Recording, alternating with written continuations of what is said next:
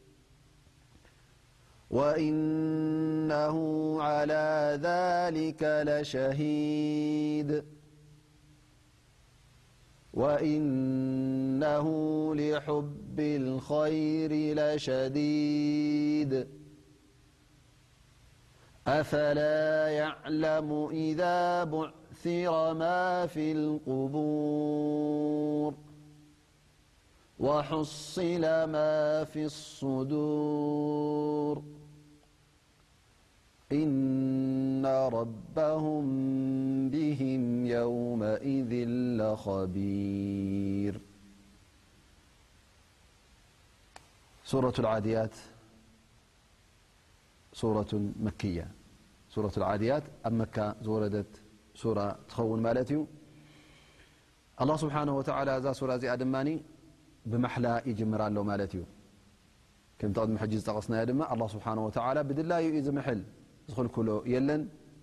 ወዲ ሰብ ግን ብኣላህ ስብሓነሁ ወተዓላ ጥራይ ክምሕል ኣለዎ። በዛ ሱራ እዚኣ ኣላህ ስብሓነሁ ወተዓላ ክምሕል እንከሎ በቲ ኣብ ሜዳ ጅሃድ ዝርከብ ነገራት ብኡ ይምሕል ኣሎ ማለት እዩ፣ ወዲ ሰብ ኣብ ጥፍኣትን ኣብ ክሕደትን ከም ዘሎ ኣላህ ስብሓነሁ ወተዓላ ንኸረጋግጽ።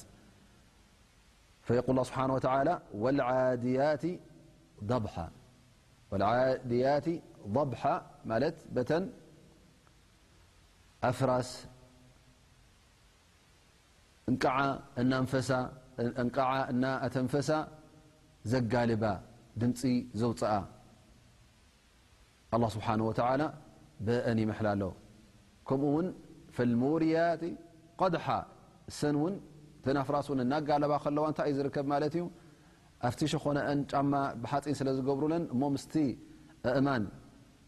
ክራኸብ እንከሎ ብልጭ ብልጭ ስለ ዝብል ላ ስብሓን ወተዓላ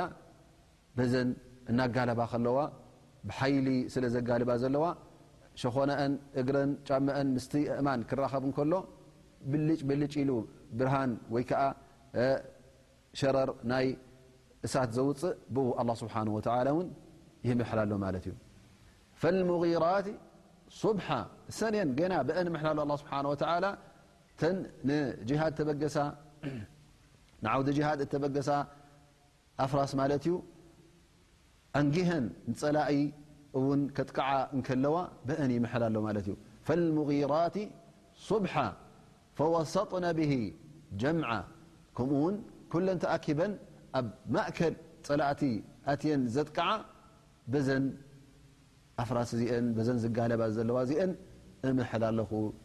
ኢሉ ኣላ ስብሓን ወተዓላ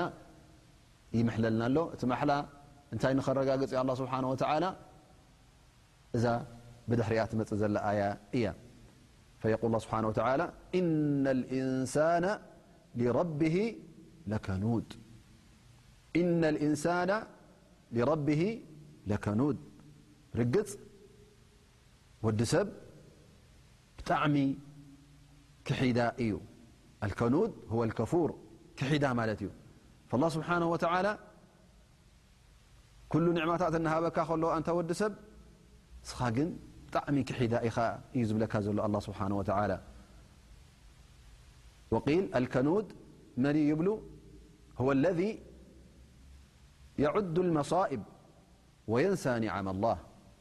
ክሒዳ ዝበሃል መን እዩ? ዝወርዶ ዘሎ ጭንቅን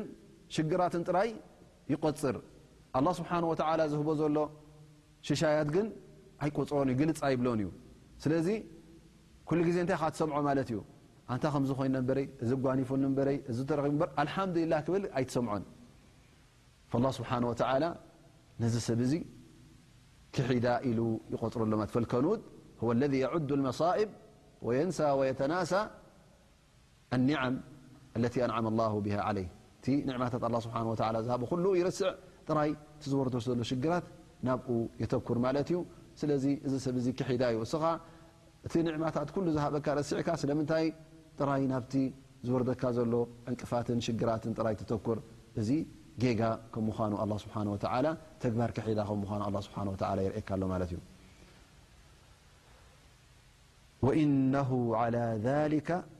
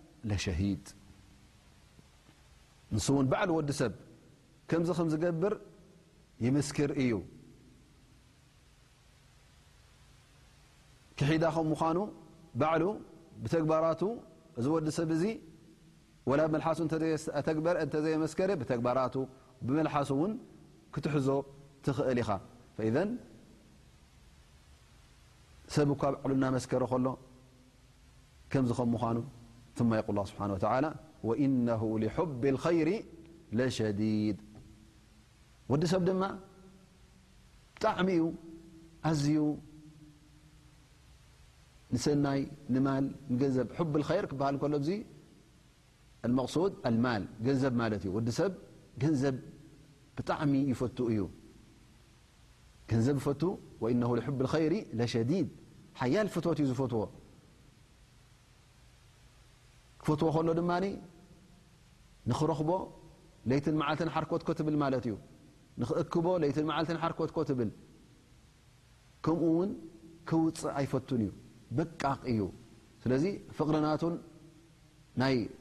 ገንዘብ ድልቱን ኣብ ምንታይ ኻትሪኦ ማለት እዩ ኣብቲ ሃተውተው ዝብሎ ላዕልን ታሕትን ክብል እንከሎ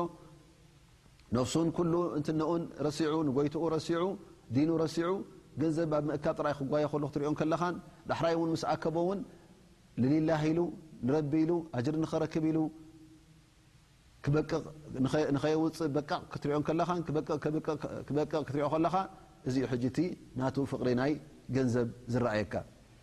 ላ ስብሓን ወተላ ብርግፅ እዚ ወዲ ሰብ እዚ ማል ገንዘብ ከም ዝፈቱ እዩ ዝሕብረና ዘሎ ማለት እዩ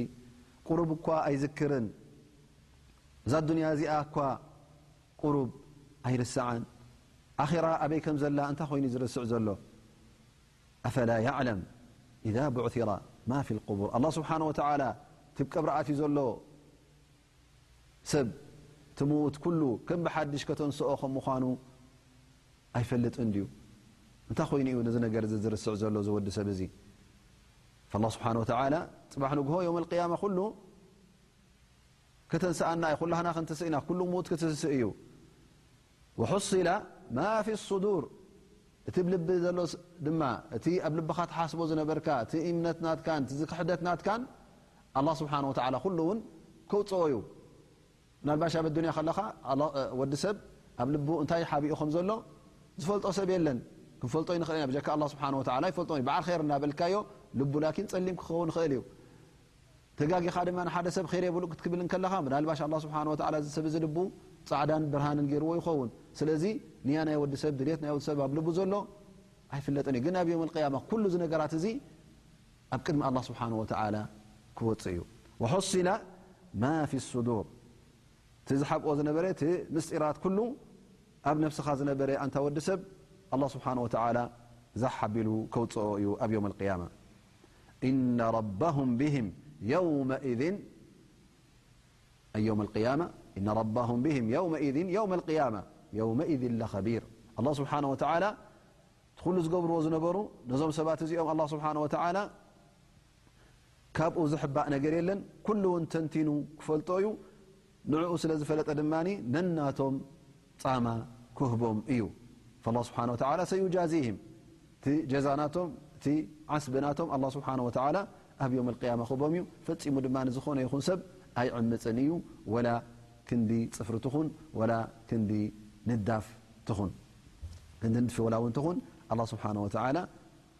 ፈጺሙ ዓመጸኛ ኣይኮነን ነናትና ክበና እዩ እዚ መጠንቀቕታ ይኸውን ኣሎ ማለት እዩ ንጎይታና ንኣላ ስብሓን ወተላ ምእንቲ ከይንርስዕ ኩሉ ግዜ እቲ ሂቡና ዘሎ ሽሻይ ክንዝክር ኣለና ዘኪርና ድማ ምስጋና ንኣላ ስብሓን ወተላ ክነርኢ ኣለና ቃላዊ ምስጋናን ግብራዊ ምስጋናን ከነመስግና ኣለና እቲ ኣላ ስብሓን ወተላ ዝኣዘዘና ኩሉ እውን ከነተግብር እንከለና እዚ እቲ ዝዓበየ ምስጋና እዩ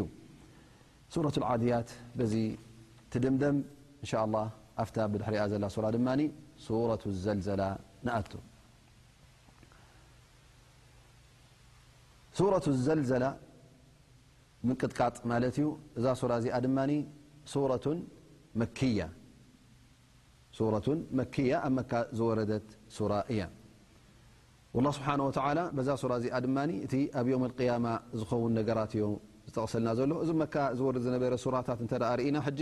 ኩሉ እንታይ እዩ ብዮም ኣልቅያማ ዘዘክር። ምኽንያቱ ቁሬሽ ነቢ ሰለላሁ ዓለይሂ ወሰለም ምስ ተላእከ መካ እቲ ዝህቦ ዝነበረ ጻውዒት እቲ ዝህቦም ዝነበረ ሓበሬታ መጠንቀቕታ ኩሉ እንታይ እዩ ናብ ረቢ ንኽምለሱ ብ መልእኽቲ ኣላህ ስብሓነሁ ወተዓላ ንኽኣምኑ እንተ ኣሚኖም ጀና ትጽበዮም ከም ዘሎ፣ እንተ ኣብዮም ግን መዓልቲ ቅያማ ከም ዘሎ፣ እዛ መዓልቲ እዚኣ ድማ ብጣዕሚ ኣስጋኢትን ኣፍራሂትን ስለ ዝኾነት ብኣ ዘዛኻኽር ሱራታት ብብዝሒ ንረክብ ማለት እዩ። ምኽንያቱ እዞም ሰባት እዚኦም ቅያማ ዝበሃል የለን፣ ዮመል ቅያማ ዝበሃል ካብ ቀብሪ ምትንሳእ ዝበሃል የለን ኢሎም።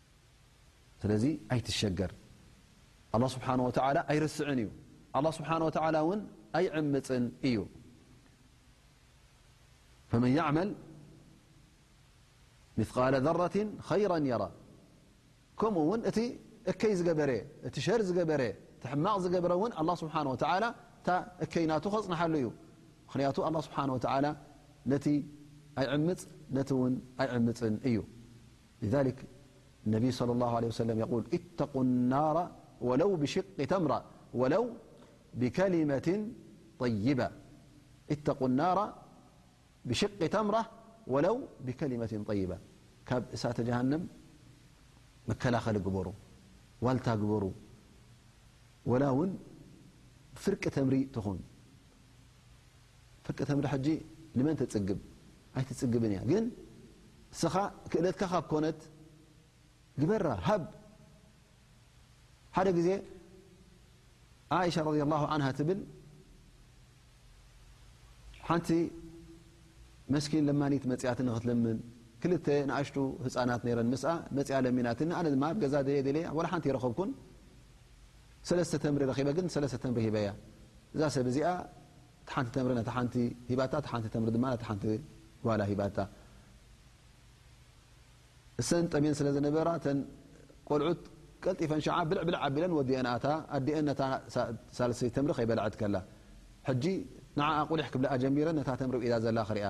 ኣዲኤን እንታይ ትገብር ሕጂ ንጽ ኢላ ነዘን ተምሪ እዚኤን ኣብ ክልተ መቐል ኣቢላ ንደቃ ትመቕለን ማለት እዩ እዚ ነገር እዚ ኣገሪምዋ ዓኢሻ ረዲየላሁ ዓንሃ ንነቢና ሙሓመድ ሰለላሁ ዓለይሂ ወሰለም እቲ ዝርኣየቶ ትሓትት እሞኒ ፈነቢይ ሰለላሁ ዓለይሂ ወሰለም ይብላ እዛ ሰብ እዚኣ በዚ ዝገበረቶ ኣላህ ስብሓነሁ ወተዓላ ጀና ኢልዋ እዩ ፈኢዘን ቀላል ነገር ንደቅኻ ወላ እውን ንውላድካ